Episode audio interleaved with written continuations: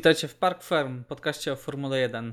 Nazywam się Michał Brudka. Moimi gośćmi jak zawsze są Iwo Lubowski. Cześć wszystkim. I Piotr Brudka. No witam wszystkich. Panowie, nareszcie e, mamy okazję porozmawiać e, po wyścigu e, o Grand Prix Wielkiej Brytanii. E, wyścigu, który myślę wszystkich zaskoczył, e, wszystkich oglądających, ponieważ mieliśmy rzecz, która w Formule 1 zdarza się bardzo rzadko. Czyli dwa wyścigi z rzędu, które były pasjonujące, które To były fantastyczne, e, które po prostu zapierały dech w piersiach, zwłaszcza te pierwsze e, okrążenia tego wyścigu e, do momentu wyjazdu safety car, no były po prostu najlepszymi moim zdaniem okrążeniami w na pewno w tym roku, a myślę, że w ostatnich latach Formuły 1. Także co sądzicie, co macie do powiedzenia na temat wyścigu o Grand Prix Wielkiej Brytanii, tak na samym początku? Piotrek, jakie jest twoje zdanie na temat tego Grand Prix? No ten wyścig miał wszystko to, co lubimy w tym sporcie. Była naprawdę bardzo długa walka pomiędzy e, parami kierowców. Na początku to był Hamilton Bottas, później ta fenomenalna naprawdę i bardzo długa walka pomiędzy Leclerciem a Verstappenem, a na końcu jeszcze doszła tak e, jako taki deser walka Daniela Ricciardo z Carlosem Sainzem na sam koniec wyścigu, także na dobrą sprawę okrążeń, kiedy na dobrą sprawę można powiedzieć nic się nie działo, było nie wiem, może 4-5, coś w tym stylu. Bo ja się zorientowałem, kiedy do, dopiero z, mogłem spojrzeć na to, ile okrążeń minęło, to się zorientowałem, że zostało tylko 8 okrążeń, także no naprawdę fantastyczny wyścig, moim zdaniem o wiele lepszy niż ten w Austrii. Okej, Iwo, e, zgadzasz się z tym, co mówiliśmy tutaj? Powiem tak, bałem się mrugnąć. Przez te 20 okrążeń wyścigu autentycznie bałem się mrugnąć.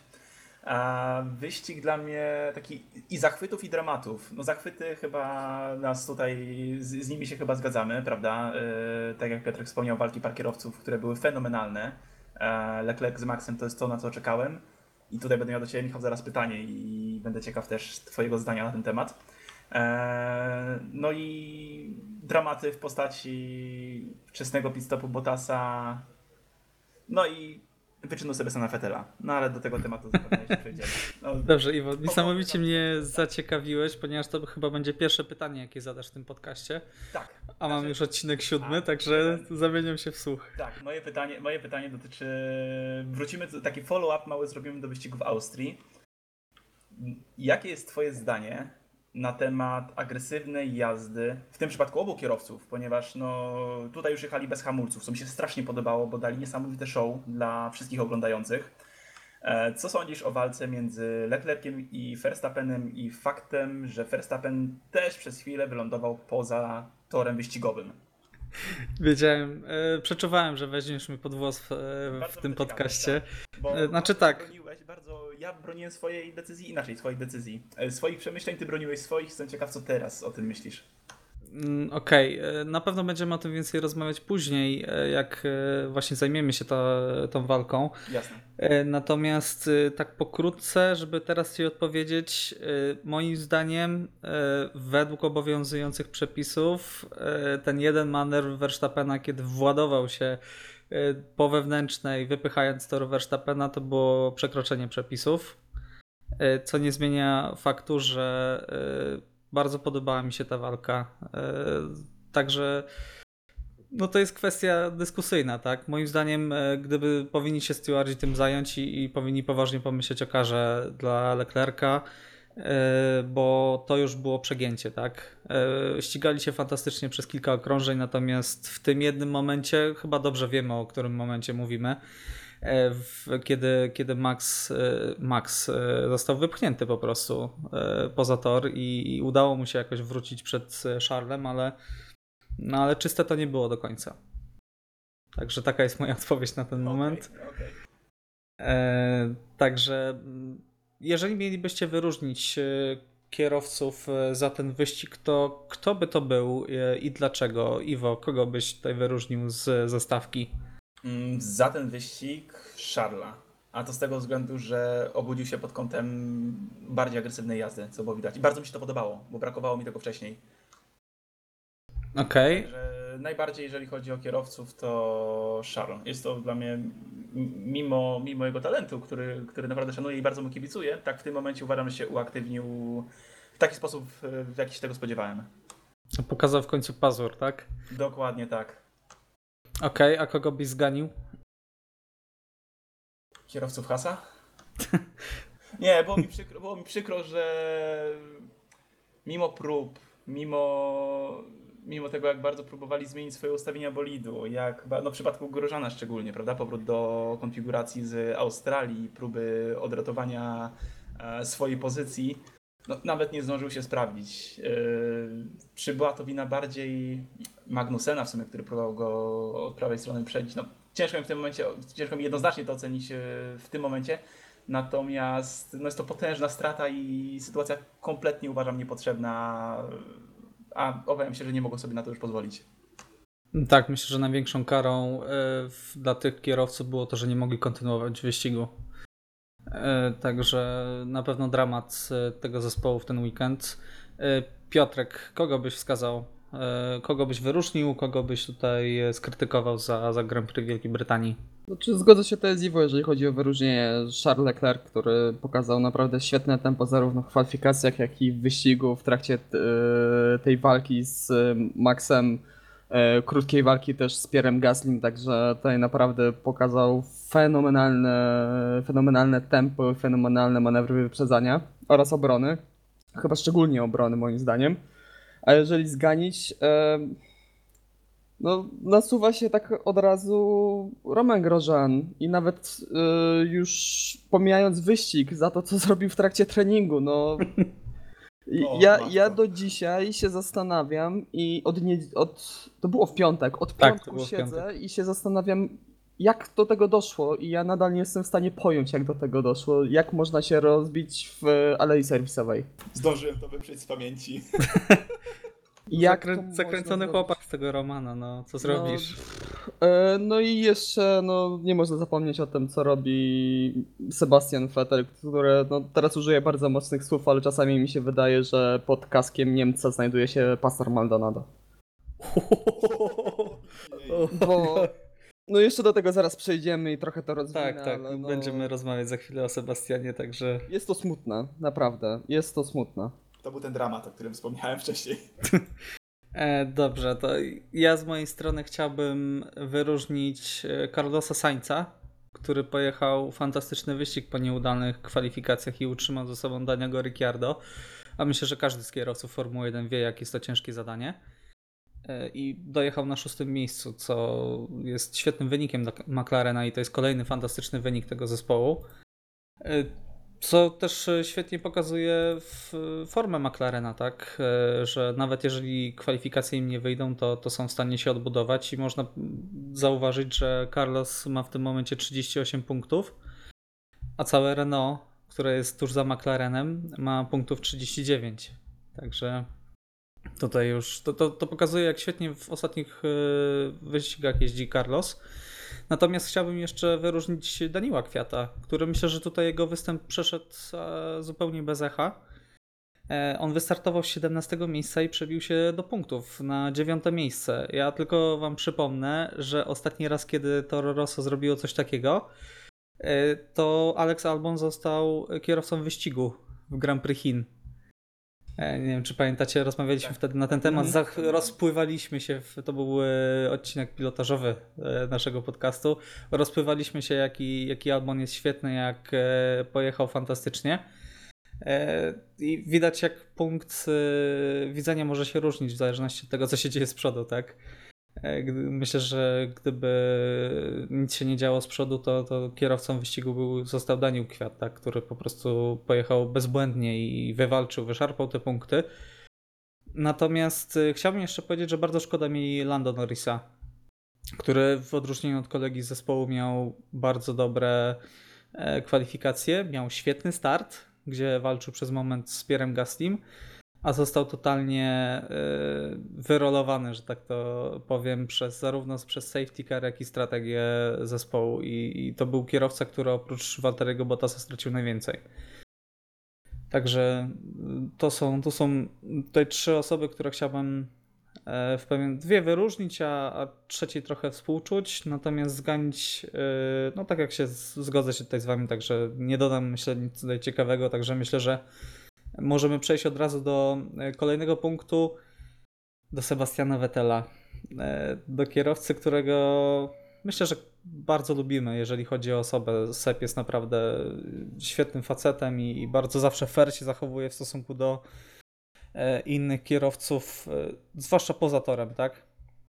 Natomiast no, nie da się ukryć, że zbliżamy się do rocznicy, do roku od jego największego, myślę, dramatu w ostatnich latach w Formule 1 do Grand Prix Niemiec. I jak broniłem w poprzednich e, podcastach Sebastiana, to mam wrażenie, że teraz y, no już brakuje mi amunicji do, do walczenia w jego obronie. E, I, I staje się to powoli e, bezpodstawne. E, Czy waszym zdaniem e, jest szansa na powrót tego Sebastiana Vettela, którego widzieliśmy na początku zeszłego sezonu? Czy, czy już nie mówię nawet o, o latach jego absolutnej świetności, kiedy wygrał cztery tytuły e, mistrza świata z rzędu. Piotrek, jak ty patrzysz na, na to, co się dzieje teraz z, z Sebastianem Vettelem? Może rozwiniesz ten wątek Pastora Maldonado w kasku? E, No myślę, że statystyki aktualnie dla Sebastiana Vettela są no, przytłaczające. Panowie, no już e, w niedzielę nam minął 18 wyścig bez zwycięstwa Sebastiana Vettela. Już 18 wyścigów, e, w którym nie stanął na najwyższym stopniu podium. E, No, biorąc pod uwagę, że to jest czterokrotny mistrz świata w Scuderii Ferrari, kt- no to jest straszne i to naprawdę jest przytłaczające. Oczywiście, że ten sezon nie jest najlepszy w wykonaniu również samochodów Ferrari, no ale no niestety aż ciężko to się mówi, e, o, jeżeli opisujemy tutaj czterokrotnego e, mistrza świata, ale Sebastian Vettel w tym sezonie kompromituje się za każdym razem, kiedy jeździ z kimś koło w koło, z kimś z czołówki, albo jest naciskany. No bo przypomnijmy sobie Bahrain, przypomnijmy sobie później Kanadę, które no oczywiście tutaj wielkie kontrowersje.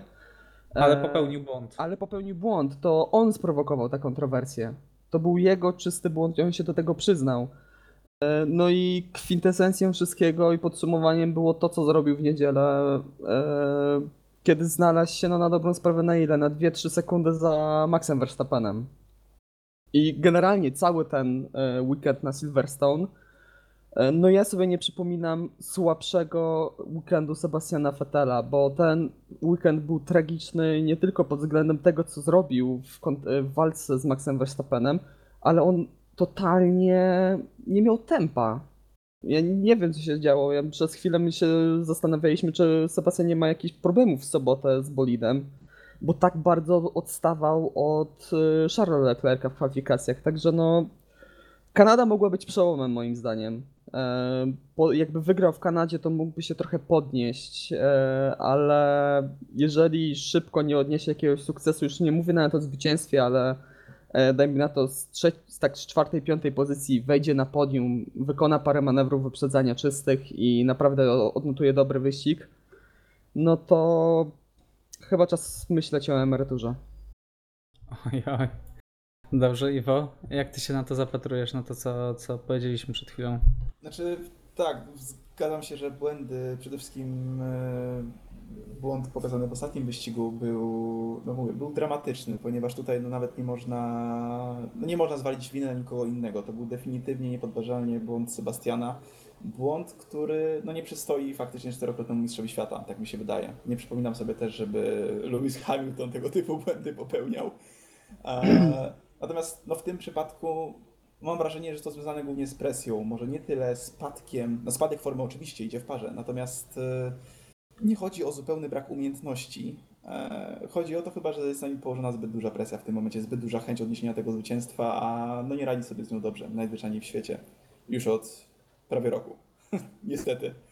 Także zastanawia mnie, zastanawia mnie ta teoria, e, czy po przejściu przykładowo do zespołu niższego, czy byłby to przykładowo, załóżmy czysto teoretycznie Red Bull, czy, czy inny zespół, bliżej środka stawki faktycznie, czy nie wpłynęłoby to pozytywnie na jego, na jego umiejętności jazdy najzwyczajniej w świecie? Nie wiem, co wy na ten temat myślicie akurat.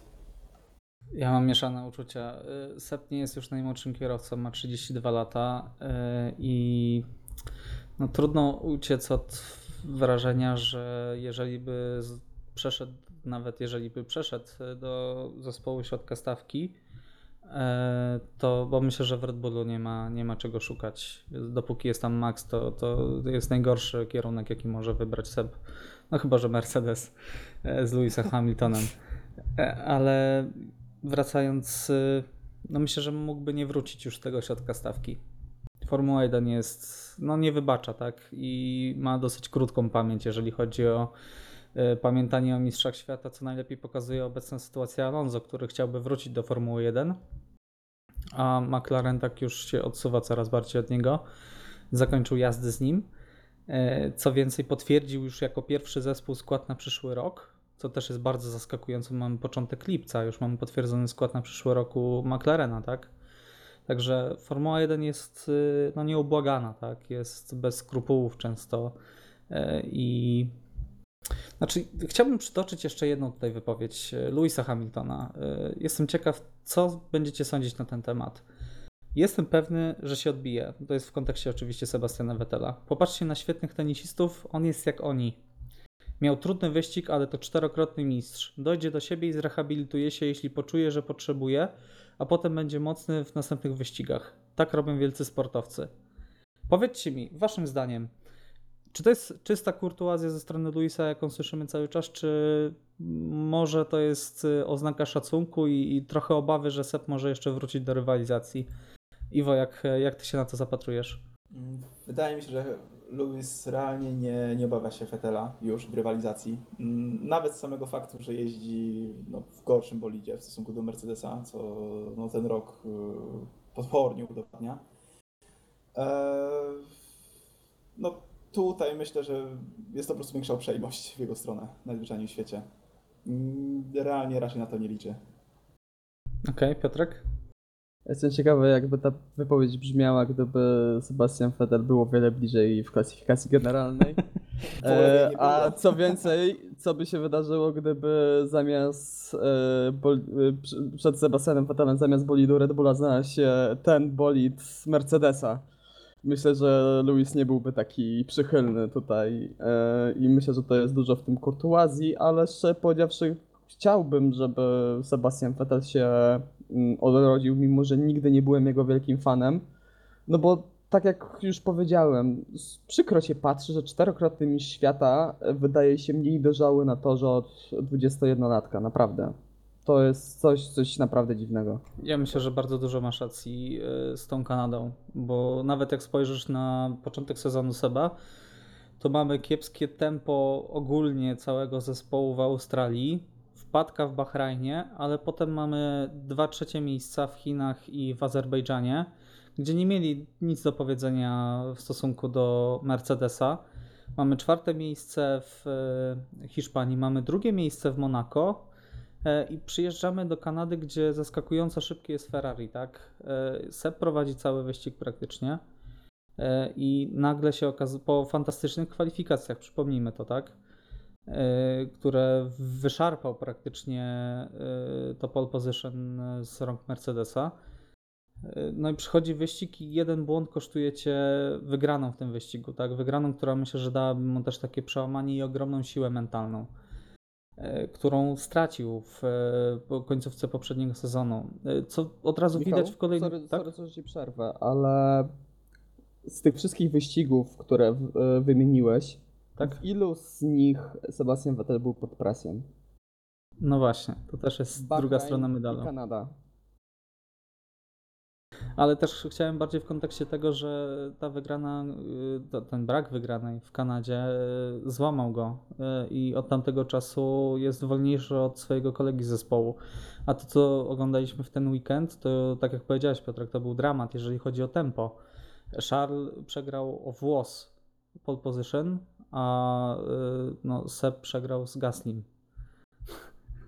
Nie chcę się tutaj już... Nie, Gasly, Gasly zaczyna być takim e, wyznacznikiem. Jeżeli jesteś za Gasly, to wiesz, że coś się dzieje, tak? E, Mimo bardzo nawiązując- dobrego weekendu dopiero. akurat na Silverstone. Tak, tak, trzeba przyznać, że to był najlepszy weekend Piera od czasu przejścia do, do Red Bulla.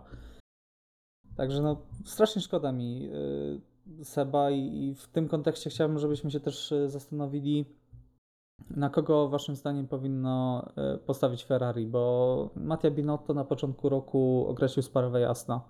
Sytuację 50 na 50 stawiamy na Seba. Czy, czy mm, biorąc pod uwagę, że Charles nie miał najlepszego początku sezonu, przypominam, y, wymieniałem go w grupie kierowców, którzy mnie zawiedli e, na początku sezonu. Teraz z wyścigu na wyścig się wyraźnie rozkręca, poprawił tempo kwalifikacyjne, nie, popełnia praktycznie już żadnych błędów. Czy waszym zdaniem Ferrari powinno zmienić priorytety i postawić zdecydowanie e, w drugiej części sezonu, tak, która e, nadchodzi e, na, na Charlesa, na Charlesa Leclerca? Piotrek, jak ty na to patrzysz? Ja myślę, że zdecydowanie, bo Charles Leclerc widać, że wyciąga wnioski. Miał wpadkę w Monako, e, zbyt agresywnie wszedł, zbyt e, pochopnie podszedł do manewru wyprzedzania. Nie miał już takiej wpadki. Teraz w Austrii e, zostawił trochę za dużo miejsca Maxowi Verstappenowi. Zauważył decyzję sędziów, że można jeździć ostro, można jeździć agresywnie i wykonywać agresywne manewry wyprzedzania. Od razu w następnym Grand mamy odpowiedź i e, znaczącą zmianę stylu jazdy, jeżeli chodzi w trakcie ataków na innego kierowcę, także widać, że Charles Leclerc wyciąga z, wnioski ze swoich błędów i bardzo dużą uwagę przykuwa do tych błędów e, i próbuje je eliminować. E, no i myślę, że powinni na niego postawić, tak jak już uważałem na początku sezonu po Chinach, że na Charlesa powinni postawić. Tym bardziej, że e, to już jest kolejny wyścig Red Bulla, który jest bardzo blisko Ferrari. Jeszcze w Austrii można było to tłumaczyć tym, że no, duże wysokości, em, że silniki nie miały aż takiego dużego wpływu. Ale to na Silverstone również walczyli jak równi ró- z równym z Ferrari. E, No i myślę, że Red Bull chyba rozwiązał te bolączki z początku sezonu i są bardzo blisko Ferrari aktualnie. Nie do końca bym się zgodził z tym. Myślę, że to też Silverstone zawsze im pasował. Zawsze byli bardzo szybcy. E, Przypomnij sobie to, co się działo rok temu. Byli też bardzo blisko Ferrari, a wtedy Ferrari przecież było de facto w tamtym czasie najszybszym e, bolidem w stawce. Także myślę, że Silverstone dzięki tym szybkim łukom, tak, w którym liczy się docisk, którego mnóstwo ma e, bolid tego zespołu, po prostu pasuje, tak. Zobaczymy, co będzie w Niemczech bo Niemcy to Hockenheim to jest tor, na którym Ferrari myślę, że będzie najszybsza. Tak już zapowiem. Odważnie. Tak, już możecie się spodziewać tego, co, co powiem na sam koniec, e, jeżeli jak będziemy rozmawiać o tym, co, co myślimy, co się stanie w Grand Prix Niemiec. Dobrze, czyli y, tak albo nie, Piotrek, y, czy Twoim zdaniem Ferrari powinno postawić na Charlesa? Tak, definitywnie. Okej, Iwo, co, co sądzisz na ten temat? E, Również sądzę, że tak. E, Z takiego nawet racjonalnego punktu widzenia, że jest to kierowca młodszy, jest to kierowca, który pojeździ zapewne z nimi dłużej.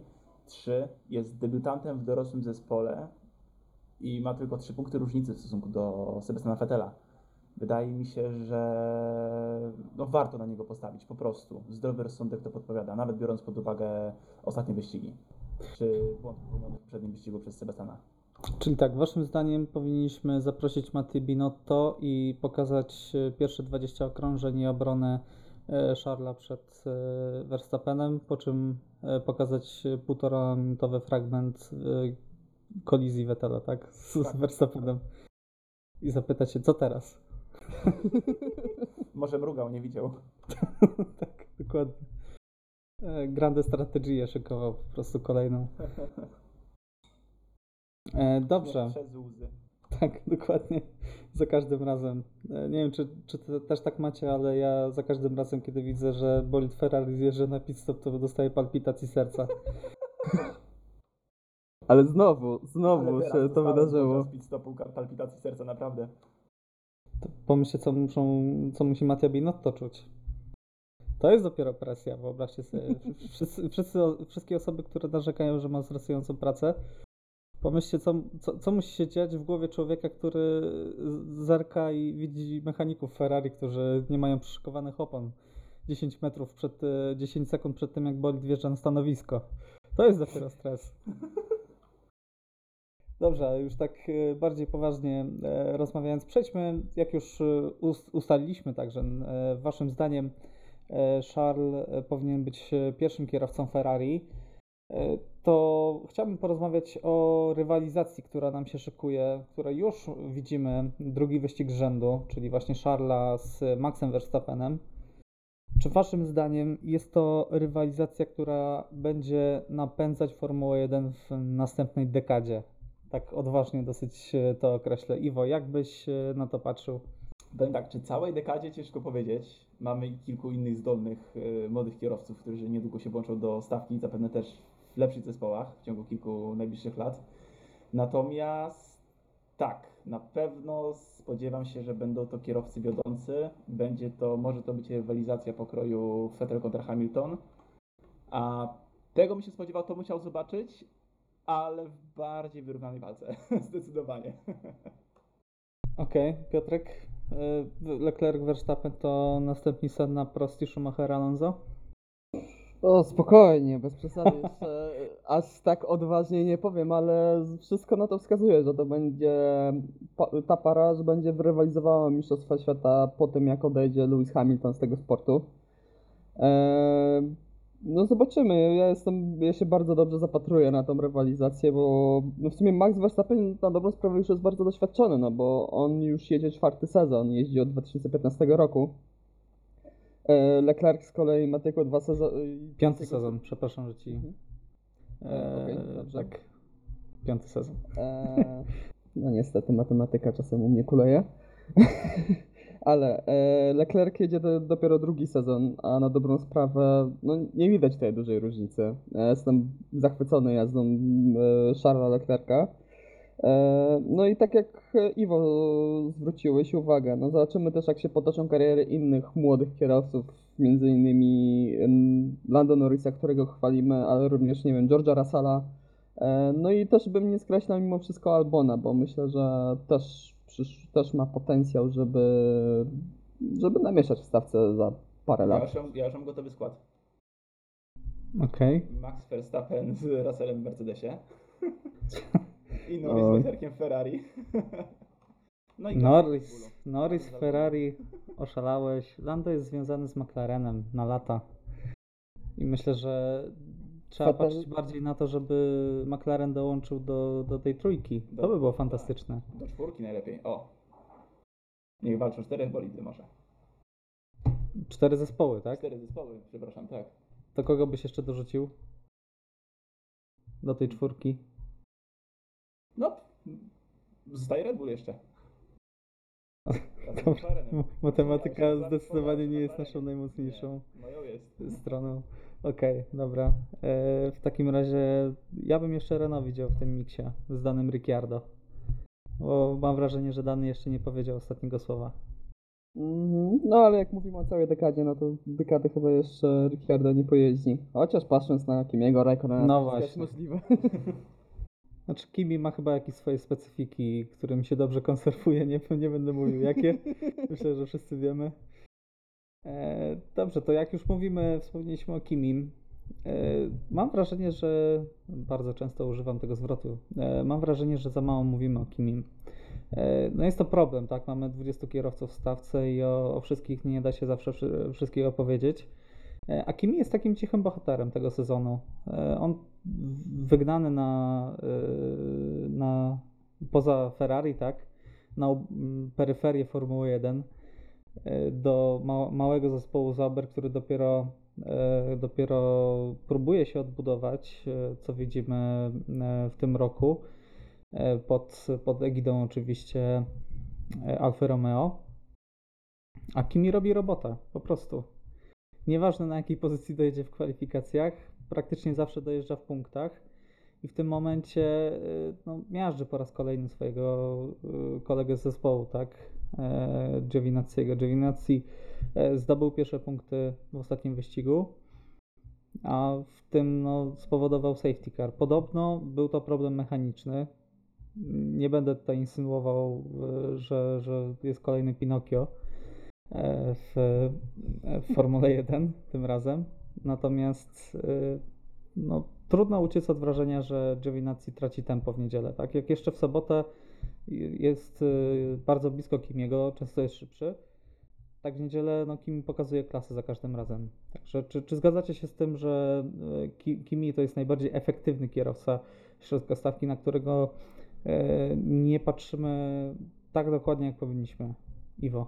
No, przede wszystkim jest szalenie solidny i no, tak jak wspomniałeś, tutaj przemawia za nim bardzo duże doświadczenie i widzimy też, że wiek już nie ma takiego znaczenia, ponieważ no, wsiada do bolidu, który no, jest stosunkowo nisko, który zapowiadał się bardzo dobrze wprawdzie, natomiast trochę nas zawiódł na początku, zawiódł na początku sezonu. Natomiast wydaje mi się, że niezależnie do jakiego bolidu by Kimi wsiadł, no może niekoniecznie do Williamsa, e, tak no, jest w stanie te punkty dowieść po prostu. I no, ja jestem jego fanem, e, bardzo lubię jego jazdę, bardzo go lubię jako osobę. Myślę, że, myślę, że tutaj nie jestem, nie jestem jedynym z nas, e, który tak na niego patrzy. Natomiast no, przede wszystkim solidność. To jest jakby to słowo, którym byłem w stanie go określić. Okej, Piotrek, też się zgadzasz, że Kimi jest takim cichym bohaterem tego środka stawki?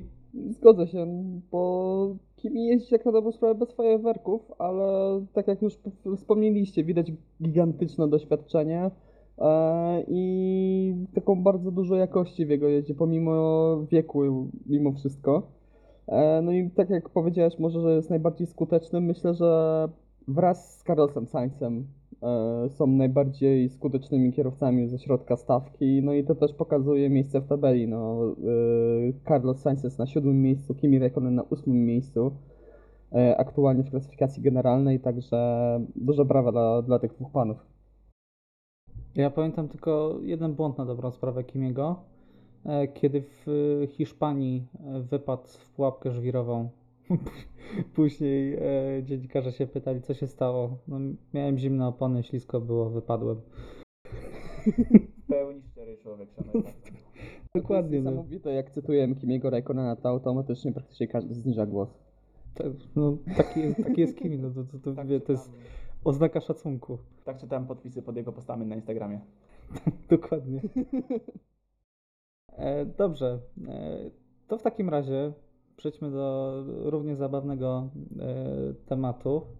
Porozmawiajmy o tym, co się dzieje z Rich Energy.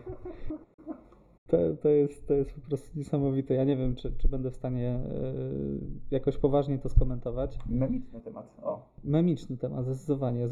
Zwłaszcza, że teraz mam przed oczami tego mema, którego wrzucili po, po tym, jak odpadło dwóch kierowców. E, Szef Rich Energy na jakimś wózku, tak?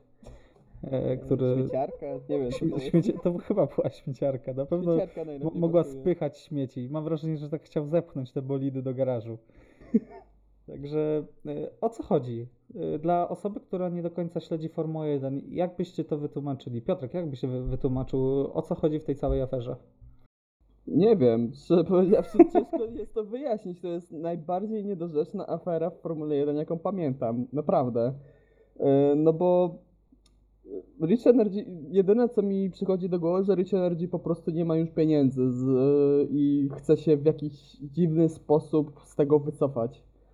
E, Raz nie mają wyników, dwa e, wraz z zespołem Hasa, no dwa, no to całe afery. Na początku wszystko się zaczęło od e, rozprawy sądowej z plagiatem loga, co już jest niedorzeczne. Tak. No ale już pomijmy to, to myślę, że pomijając te tweety, które już od testów były ba- bardzo dziwne, gdzie wszyscy wiemy jakie są testy w Formule 1, a Rich Energy w trakcie testów cieszyło się, że są przed Red Bullem. Tak.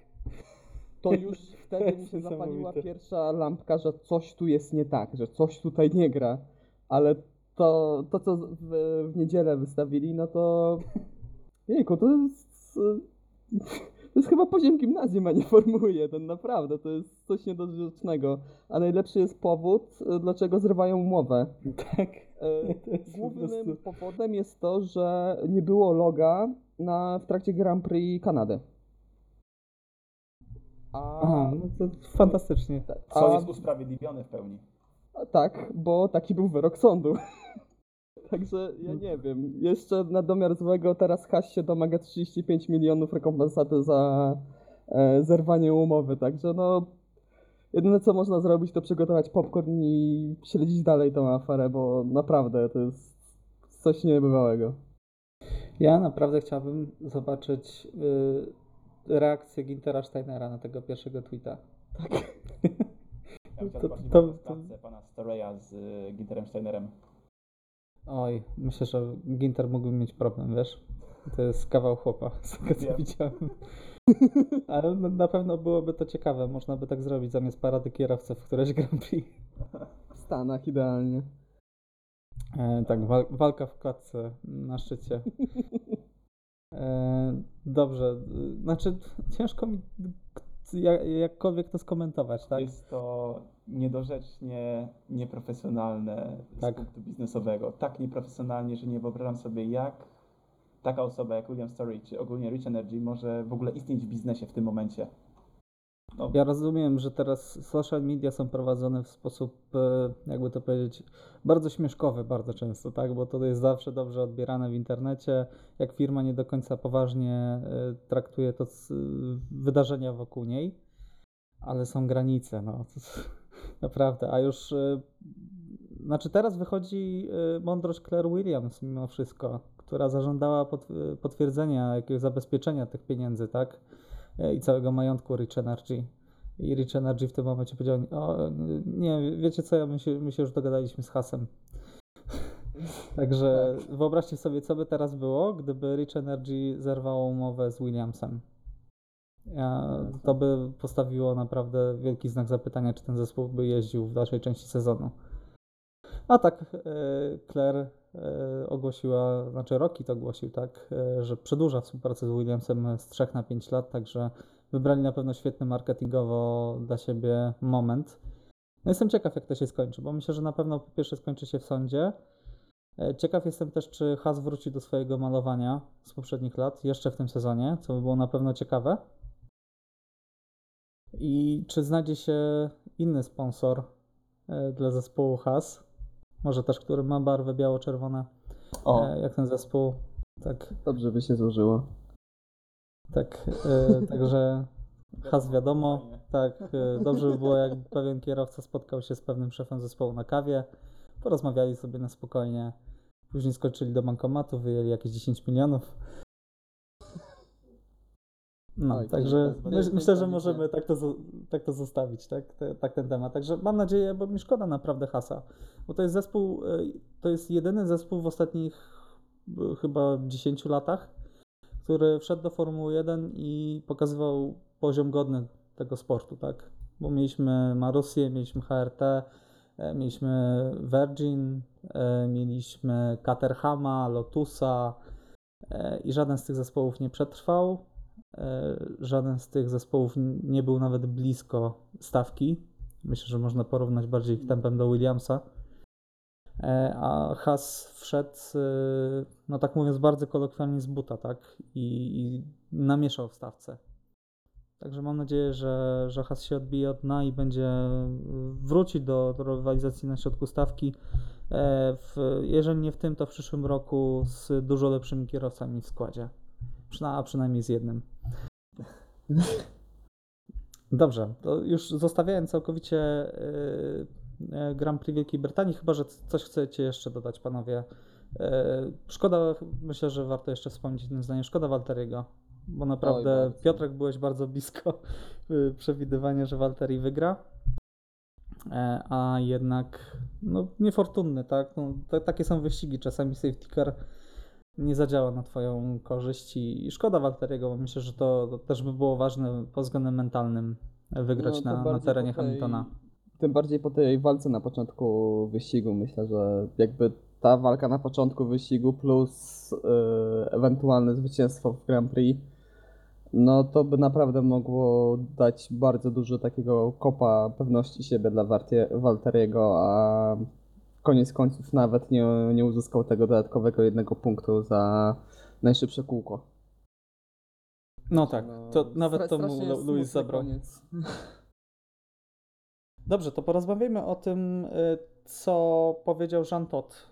Po wielu latach negowania Jean Todt wyskoczył z tematem y, pod tytułem Tankowanie w Formule 1.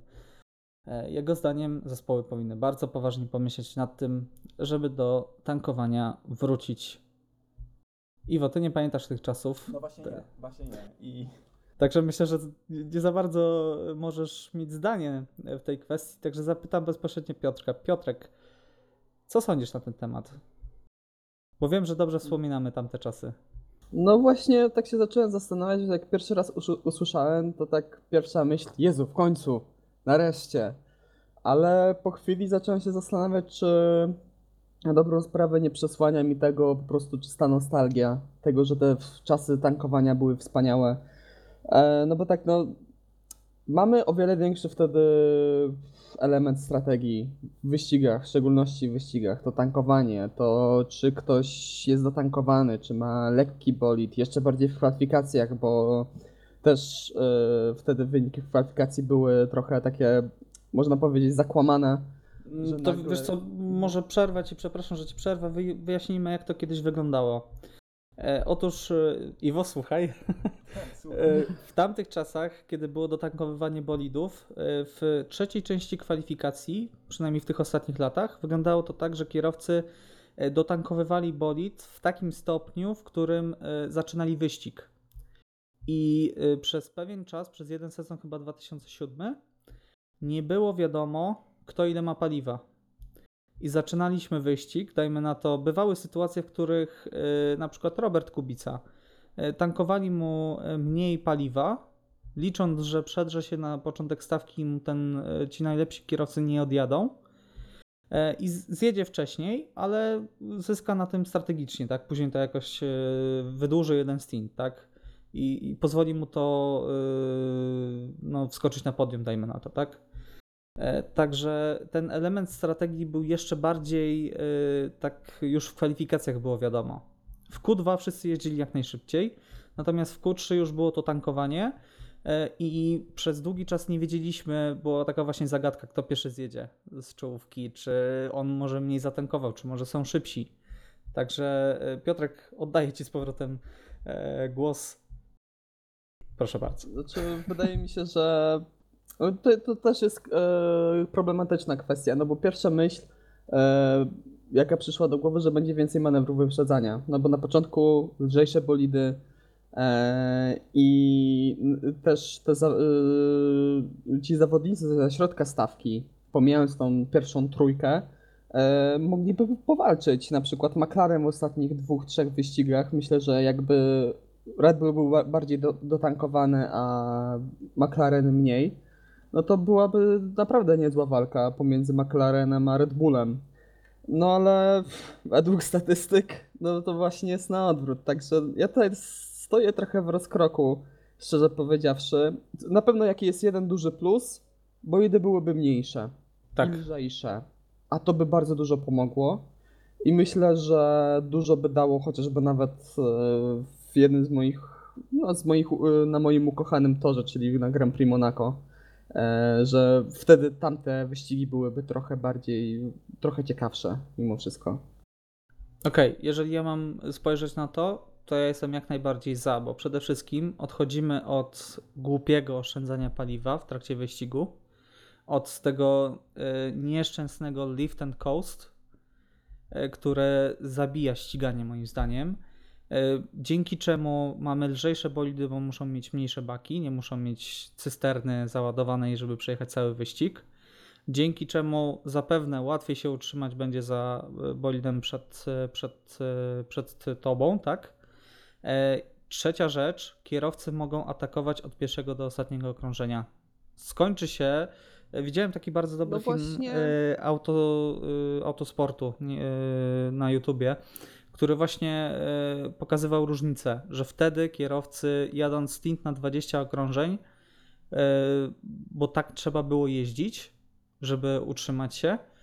E, To było bardziej opłacalne od jednego pit stopu. Atakowali od pierwszego do ostatniego okrążenia. I kierowcy bardzo często o tym mówią, że nie było oszczędzania, że jechałeś na maksa, że y, Robert bardzo często o tym mówił na początku tego sezonu, że teraz formuła skupia się na oszczędzaniu opon. A wcześniej tego nie było. Wcześniej skupiałeś się na ściganiu, skupiałeś się na tym, żeby jak najszybciej przejechać dany zakręt, tak? Bo jeżeli straciłeś, to ktoś cię mógł podciąć e, tak, na, na, na pit stopie, tak? Dajmy na to. E, Poza tym, e, jeżeli chodzi o kwestię wyprzedzań, myślę, że byłoby tyle samo albo nawet więcej niż teraz. E, Głównie dlatego, Piotrek, że wtedy jeszcze DRS-u nie było. Wiem, No że nie cierpisz fakt. DRS-u, ale Tak. w tamtych latach, kiedy było tankowanie, nie było DRS-u, więc tych wyprzedzeń automatycznie było dużo mniej. Tylko, też wiesz, no z drugiej strony masz kwestię bezpieczeństwa, dokładnie o tym chciałem powiedzieć. No, były sytuacje, w której e, kierowcy za szybko ruszali i wyrywali cały, cały ten rękaw, tak, który nalewał paliwo i często cały mm, bolid stawał w ogniu, tak. No jak Josa Verstappena właśnie miałem to przytoczyć. Jos Verstappen albo dajmy na to Felipe Massa w Singapurze, które, Tak, za, które co zabrało mu tytuł mistrza świata na dobrą sprawę. Bo y, Lizakowy za wcześnie pokazał zielone światło, Felipe ruszył, wyrwał e, ten, e, ten rękaw i jechał z nim aż do końca alei serwisowej. Także no, jest to na pewno kwestia do przedysku- przedyskutowania to bezpieczeństwo. No ale z drugiej strony głównym tematem było cięcie kosztów. A okazało się, że koszty są takie same albo i większe, bo teraz y, przeznaczają to na ekwipunek do jak najszybszego robienia pit bo to, to teraz jest najważniejsze. Także, Dokładnie. także no, kwestia dyskusyjna jak najbardziej, ale moim zdaniem no, e, byłoby to na pewno ciekawsze niż e, dojeżdżanie na jeden pit stop cały czas tak samo. E, Kiedy dzisiejsze wyścigi są najciekawsze? Najczęściej.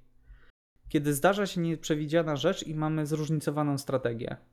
A zróżnicowana strategia to jest jedna z podstaw formuły, w której tankujemy.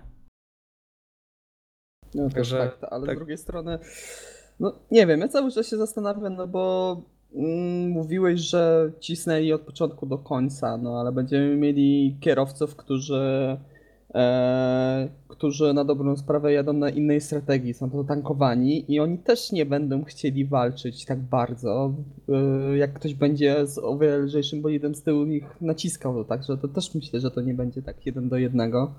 Mm, Nie, nie sądzę, Piotrek. Jednak pozycja w większości. No nie wyobrażam sobie kierowców przepuszczających innych kierowców tylko dlatego, że są na innej strategii. A skąd wiesz, Piotrek, czy, czy twój rywal jest zatankowany pięć okrążeń więcej? No, wiesz, z drugiej strony. Ja szczerze powiedziawszy, szczerze powiedziawszy, to bym to wprowadził na, na razie powiedzmy Do Formuły testowo 2? na jeden sezon. No, do Formuły 2. Myślę też teraz tak pomyślałem, że Formuła 2 byłaby takim, jak jest zresztą, idealnym takim poligonem testowym. E, ale też myślę, że wprowadzić na jeden sezon do Formuły 1 e, i bardziej tak to, że tak powiem, znormalizować te kwestie do tankowania, żeby tam zespoły nie grzebały, nie wkładały w to bardzo dużo pieniędzy, żeby zobaczyć jak po prostu będą wyglądały wyścigi, czy to będzie na plus, czy na minus. No, pamiętamy, był jeden sezon, w którym wymyślono, że nie będzie zmiany opon. tak. No. Także można by wprowadzić jeden sezon, w którym będzie tankowanie z powrotem i jeżeli się okaże, że te wyścigi są złe, to... No ale to z drugiej strony to Piotrek nie przejdzie, bo to są za duże koszta z drugą stronę. Nikt ci nie zrobi teraz zmiany yy, na jeden rok. Tak dramatycznej, bo to jest wy, No, wy, wywracająca całą koncepcję ścigania dla zespołów. No ale z drugiej strony z takim podejściem to nic byśmy nie zmieniali w Formule 1. Iwo, może ty sobie wyrobiłeś zdanie yy, przez te kilka minut. Że najbardziej, e, jak coś mamy fascynować tak naprawdę w opcji dodatkowywania paliwa, no to przede wszystkim dodatkowe zróżnicowanie pod kątem strategii i zróżnicowanie wyścigów.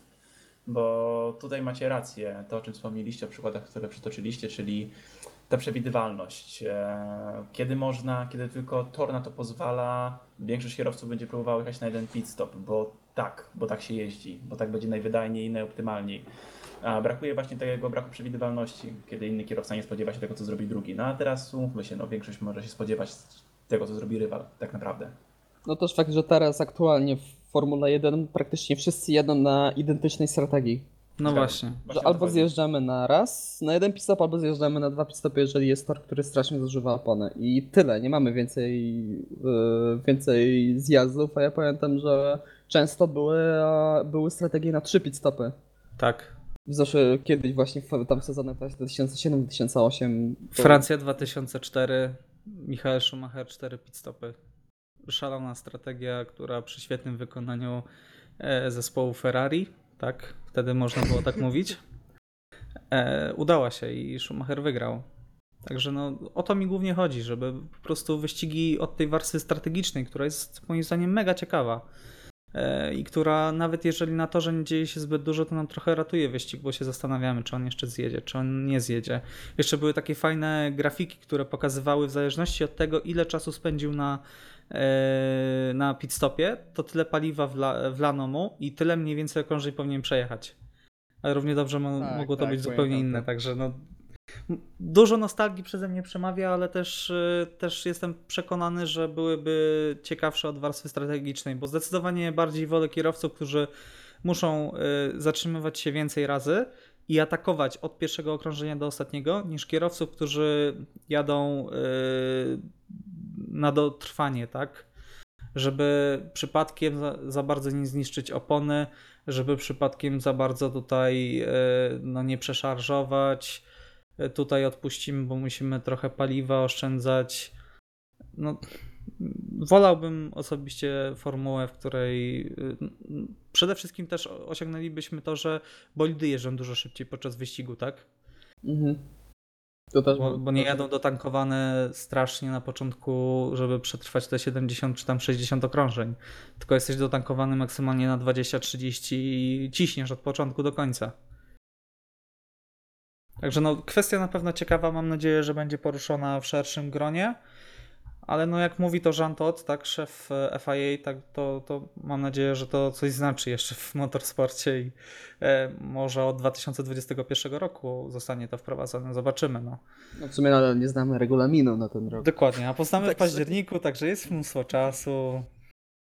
Po Także-? Jeszcze się może Dokładnie. zmienić. Dokładnie, no. Także na spokojnie, to, to trzeba na spokojnie. Takie regulaminy, po co, po co wcześniej znać? Chociaż Jean Todt to w ogóle teraz w ten weekend zaszalał, bo też e, później e, udzielił takiej wypowiedzi, że też by się zastanowił, żeby usunąć ten system, który zapobiega e, zaduszeniu silnika w trakcie startu. Nie, to jest akurat system. głupie moim tak, zdaniem. to jest strasznie głupie, bo Niebezpieczne. pamiętamy, co, no Michał, pamiętamy co się działo, kiedy bolid nagle był zgaszony na starcie i stał, a wszyscy ruszali. No, dochodziło do czasem naprawdę niebezpiecznych momentów. No w ostatniej chwili wymieniali ten bolid, Tak, który stał, tak. Także no ja rozumiem, że trzeba zwiększyć nieprzewidywalność wyścigów, ale nie chciałbym, żeby było to spowodowane tym, że ktoś zgasił silnik na starcie. No, nie jest to dla mnie najciekawszy moment, żeby akurat w ten sposób zmienić e, atrakcyjność wyścigów. Dobrze, myślę, że myślę, że przedstawiliśmy tutaj najważniejsze argumenty. To już e, przejdźmy do przyszłości. Przejdźmy do Grand Prix Niemiec. Czy Sebastian Vettel e, zamknie usta wszystkim krytykom e, i pojedzie, mm, dysponując najszybszym bolidem e, w stawce do zwycięstwa, odkupując wszystkie swoje grzechy z ostatniego roku? Ale Iwo. już, Ojej. Nie, ja bardzo życzę tego Sebowi. Naprawdę, bardzo bym się cieszył, gdyby wygrał ten wyścig. Ja też mu tego życzę, bo to byłaby wspaniała historia. Eee, znaczy, powiem tak, no ten tor jest szybki, jest, eee, wydaje się stworzony w tym przypadku dla, dla Ferrari, biorąc pod uwagę ich obecną specyfikację. Eee, natomiast, no tak jak w pierwszym sektorze Ferrari może górować, tak w trzecim sektorze Mercedes może odrabiać i przy obecnym performanceie bolidów ciężko jest mi już postawić jednoznacznie na Ferrari, gdzie logika Mm. podpowiada. Nie, Iwo, ale zobacz. Ale Co no. mówiliśmy ostatnio, dwa tygodnie temu? Mówiliśmy, że y, Ferrari nie ma szans na Silverstone, bo jest kręty tor. Y, w wyścigu oczywiście sprawdziło się, ale w kwalifikacjach, Jasne, jasne. wiesz, jak, jak Ferrari zaj, y, zajmie pierwszy rząd dla siebie, to mogą później kontrolować wyścig. Bo są, mają tak, tak dużą Odważne. prędkość na y, prostych, że Mercedes może nie, nie dać rady ich wyprzedzić. Mam nadzieję, że tak będzie. Ja bardzo bym chciał, mile, bardzo chciałbym się mile zaskoczyć, natomiast no, próbuję być realistą po prostu, bo e, Mercedes nie odpada aż tak bardzo. Umówmy się. To nie jest tak, że Ferrari aż tak skrajnie dominuje na tych prostych w tym momencie. Jest szybszy, owszem, ale nie mówimy tutaj o przepaści jeszcze, prawda? Także Tak jak nie, nie, nie do końca bym się zgodził. Wiesz, Okej, no, mieliśmy tory z pro, prostymi. Jak tylko jest więcej prostych, to Ferrari od razu zyskuje niesamowicie tempo. Kanada jest najlepszym przykładem, Azerbejdżan, nawet Bahrain. No, Bahrain to już było dawno temu, także, no ale No, myślę, że. Kanada Mhm. jest świetnym przykładem, gdzie też nie liczyliśmy przed kwalifikacjami, że Ferrari jest w stanie powalczyć z Mercedesem, bo przecież Mercedes najszybszy. Jeszcze przywiózł wtedy poprawki do silnika. E, A tutaj zaskoczyliśmy się, także, także Piotrek, jak ty na to patrzysz? No ja odpowiem bardzo krótko na to twoje piękne i kwieciste pytanie. Nie. E, nie, tak. Otóż nie, otóż nie tym razem. E, nie, myślę, że Mercedes wygra wyścig, bo w kwalifikacjach może być różnie, ale tak jak na Silverstone też myśleliśmy, że no Ferrari może zagrozić i mogło zagrozić w kwalifikacjach, ale na przestrzeni wyścigu myślę, że Mercedes znowu będzie najszybszy. Miejmy nadzieję, że znowu była, była, będzie taka walka pomiędzy Lewisem Hamiltonem a Walterim Bottasem. Miejmy nadzieję, że odwrotnie teraz ukończą wyścig. Ty i te E. twoje nadzieje, Walterygo, nie przestaje mnie to śmieszyć. Nie, znaczy, jeżeli dobrze pamiętam, Michał, to przed y, Silverstone stawiałem na Hamiltona. Także. No Okej. zobaczymy, zobaczymy jak teraz się, się to potoczy. No i co, rok temu padało na części toru, no to może teraz niech popada w tym roku na całym torze. Ale źle życzysz, ale źle życzysz Sebastianowi, wiesz co? Ja nie życzę źle Sebastianowi. A wyobraźcie sobie, co, co by było, torze. wyobraź sobie, co by było, gdyby wypadł znowu w tej pułapce szwirowej. nie mów o tym, nie mów o tym nawet. O, odpukać, odpukuję w tym momencie, nie wiem czy O słychać. Boże. Mówiłem ci już kiedyś, co mówiłem. To się wypluwa, nie odpukuje.